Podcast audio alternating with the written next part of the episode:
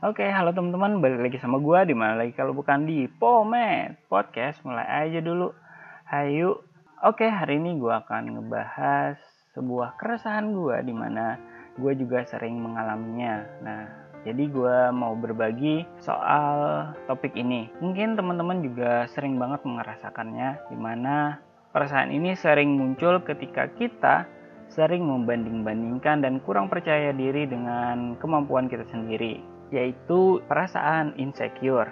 Nah, apa sih perasaan insecure? Nah, jadi kata insecure itu berasal dari bahasa Inggris yang artinya perasaan tidak aman. Insecure ini dalam psikologi bisa kita artikan merupakan sebuah upaya dari adanya emosi yang terjadi apabila kita menilai diri kita menjadi seorang inferior dari orang lain. Insecure atau rasa tidak aman bisa juga kita artikan sebagai rasa takut akan sesuatu yang dipicu oleh rasa tidak puas dan tidak yakin akan kapasitas diri sendiri, sehingga insecure adalah perasaan cemas, tidak pede, dan tidak yakin akan kemampuan diri sendiri karena sering membandingkan diri dengan orang lain.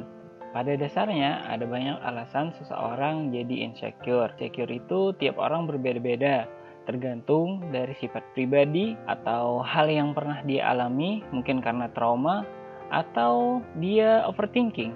Biasanya ada beberapa alasan seseorang menjadi insecure. Alasan yang pertama adalah takut akan kegagalan dan penolakan. Nah, biasanya ini disebabkan oleh overthinking. Overthinking itu adalah pikiran yang berlebihan. Nah, jadi contohnya kayak gini. Ah, kalau gue bikin karya ini bagus nggak ya?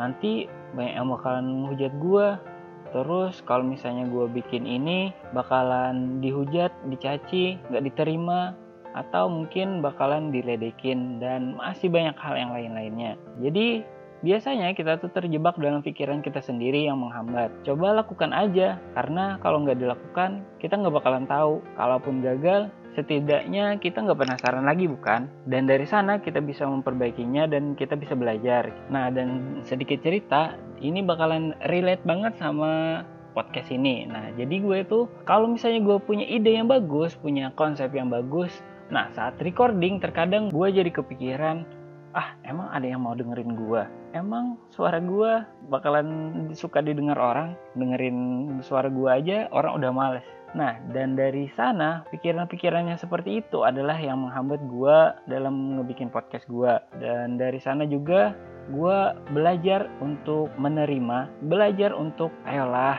jangan terlalu overthinking, lakukan aja. Tiap orang punya pendengarnya masing-masing. Toh juga baik lagi sama tujuan gue ngebikin podcast adalah untuk berbagi. Ya kalaupun orang nggak mau dengerin ya nggak apa-apa yang penting gue udah mau berkarya gue mau bermanfaat sesuai dengan tujuan gue karena gue udah tahu alasan gue ngebikin podcast ini untuk apa seperti itu. Nah yang kedua adalah pola asuh yang kurang tepat. Uh, mungkin ini bakalan cenderung ke arah ke keluarga.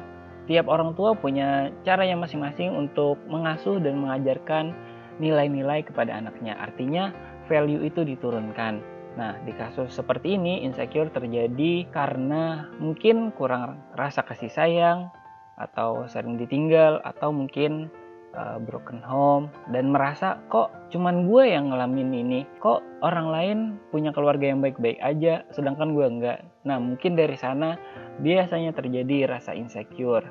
Nah, selanjutnya ada uh, sifat yang terlalu perfeksionis. Kita tahu bahwa tiap orang punya karakter yang berbeda-beda. Ada yang sifatnya perfeksionis, ada juga yang ambisius, ada yang optimis, ada yang introvert, ada yang ekstrovert, dan masih banyak lagi. Nah, si perfeksionis ini adalah sifat yang dimiliki seseorang, tapi dia punya standar tersendiri. Standarnya ini melebihi orang lain dan dalam semua hal yang dilakukan.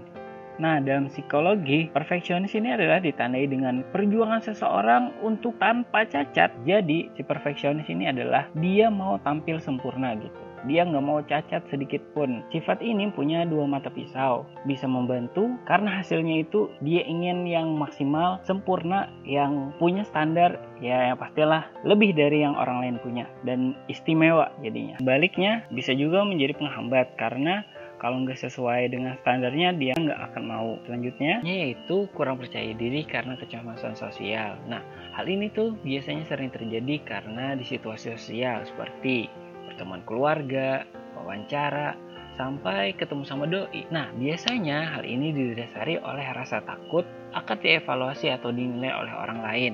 Takut akan dinilai oleh orang lain tersebut akan mengakibatkan kita enggan dan takut berbicara dengan orang lain untuk mengutarakan apa sih yang sedang terjadi pada diri kita. Kita juga bisa kurang pede dan malu karena diri kita sendiri mungkin dari bentuk fisik dan kemampuan kita. Nah, dan dari sana yang akan menimbulkan rasa tidak aman dan tidak nyaman yang membuat kita membandingkan diri kita dengan orang lain.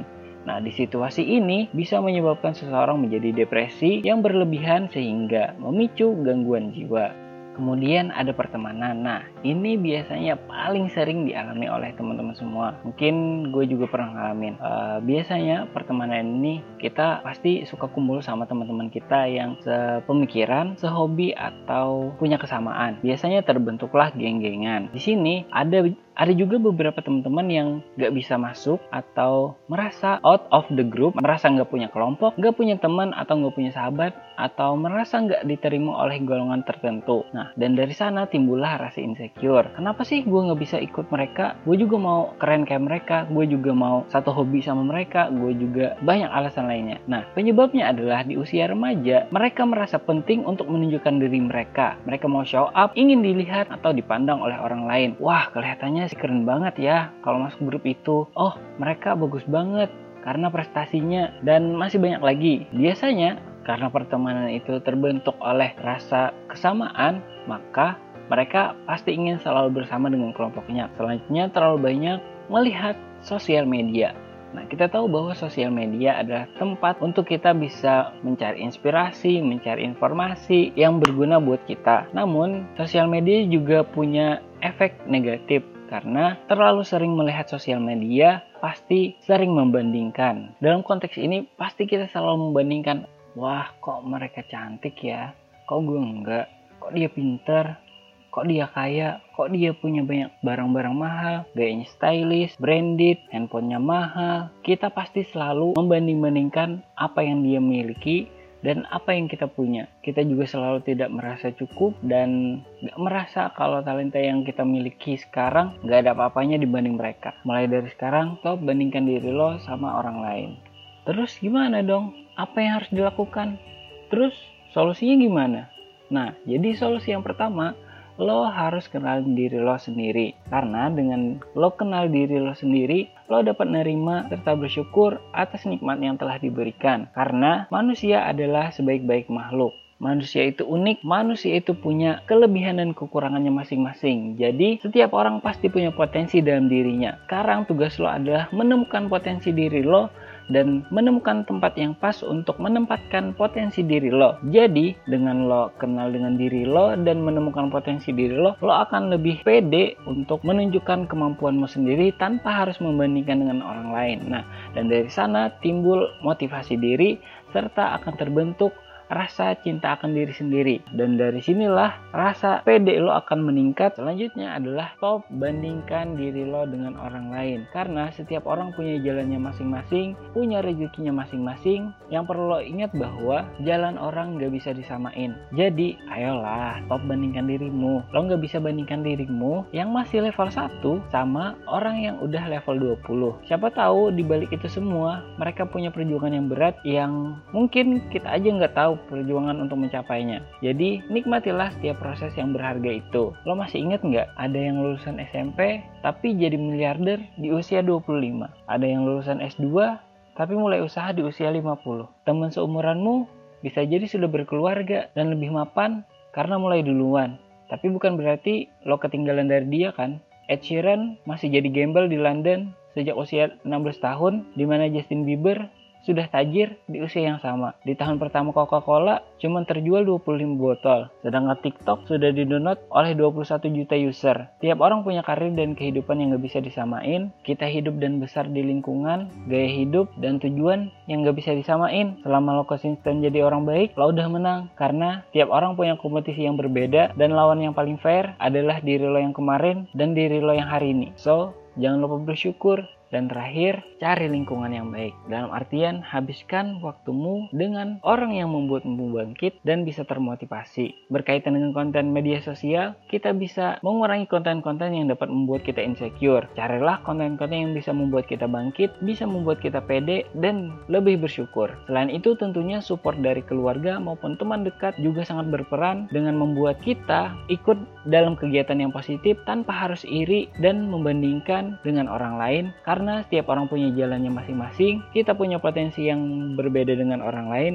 Oke, jadi segitu dulu podcast gue hari ini. Terima kasih buat teman-teman yang sudah mendengarkan. See you in the next episode. Wassalamualaikum warahmatullahi wabarakatuh.